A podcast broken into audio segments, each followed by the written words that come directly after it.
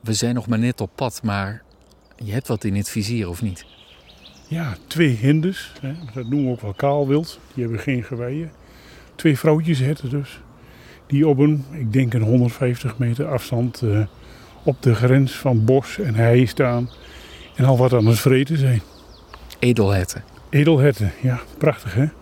Ja toch, zijn toch machtige beesten? Ja, heel mooi. En ik vind het leuk dat je hier ook alweer kunt zien dat de ene is heel licht van kleur, bijna beige. En de andere is echt mooi ja, tegen het rode aan. Dus uh, ook nog heel anders van kleur. Maar het zijn twee dames en wellicht hebben ze ergens een kalf liggen.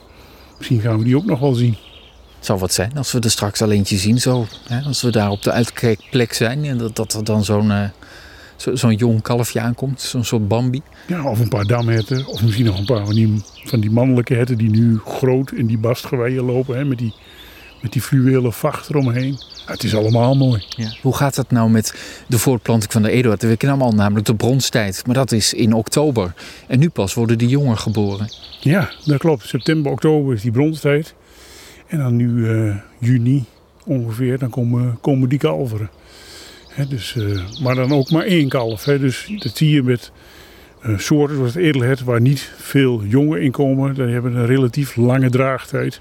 He, want er komt een vrij groot kalf uit wat al volledig ontwikkeld is. Ja. Je bent van Vereniging Het Edelhert. 75 jaar bestaat het. Is het ook als je naar de edelherten zelf kijkt reden tot feest? Ja, er is reden tot feest. Want ik denk dat we in 75 jaar met de vereniging en alle instanties waar we mee samengewerkt hebben, een heleboel bereikt is uh, in Nederland voor het edelhert.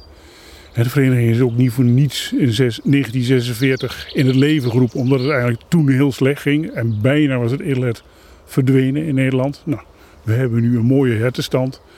Maar wil niet zeggen dat we achterover kunnen gaan leunen en uh, denken van, nou, de klus is geklaard, uh, we kunnen onszelf opheffen. Er is nog een boel werk te doen.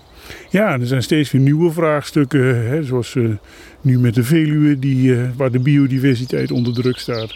De poortgebieden van de Veluwe, misschien komen we er zo nog eventjes over. Andere gebieden buiten de Veluwe en verbindingen daartussen. Ja, nou we gaan nog een boel dingen bespreken de komende uren terwijl we op pad zijn. Maar laat me vast één dingetje aanstippen. Um, want als we het hebben over de Veluwe, stikstofprobleem enzovoort. Een van, van de dingen uh, die men wil is dat er meer loofbos komt. Meer loofbomen. Um, en um, de edelherten die zitten altijd te knabbelen aan die jonge boompjes. Dus misschien wel minder edelherten. Ja, dat zou kunnen. Je zou ook kunnen zeggen, uh, we hebben Veluwe uh, 2000... 10 beleid gehad en 2020 beleid. We hebben het Hert aan de Rijn project gehad. Dus er zijn ook plannen om die herten meer naar de uiterwaarden te krijgen. He. Die uiterwaarden waar klei is, waar meer mineralen beschikbaar zijn.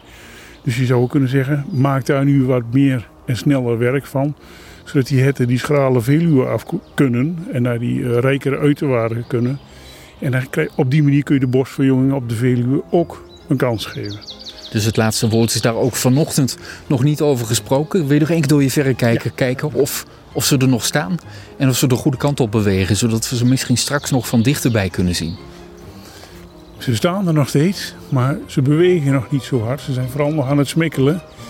Het zou kunnen zijn dat ze wachten op een paar andere vriendinnetjes uh, om uh, dadelijk uh, op, de, op trek te gaan.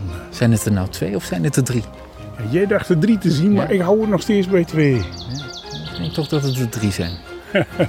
maar ik ben heel eigenwijs. Wie weet.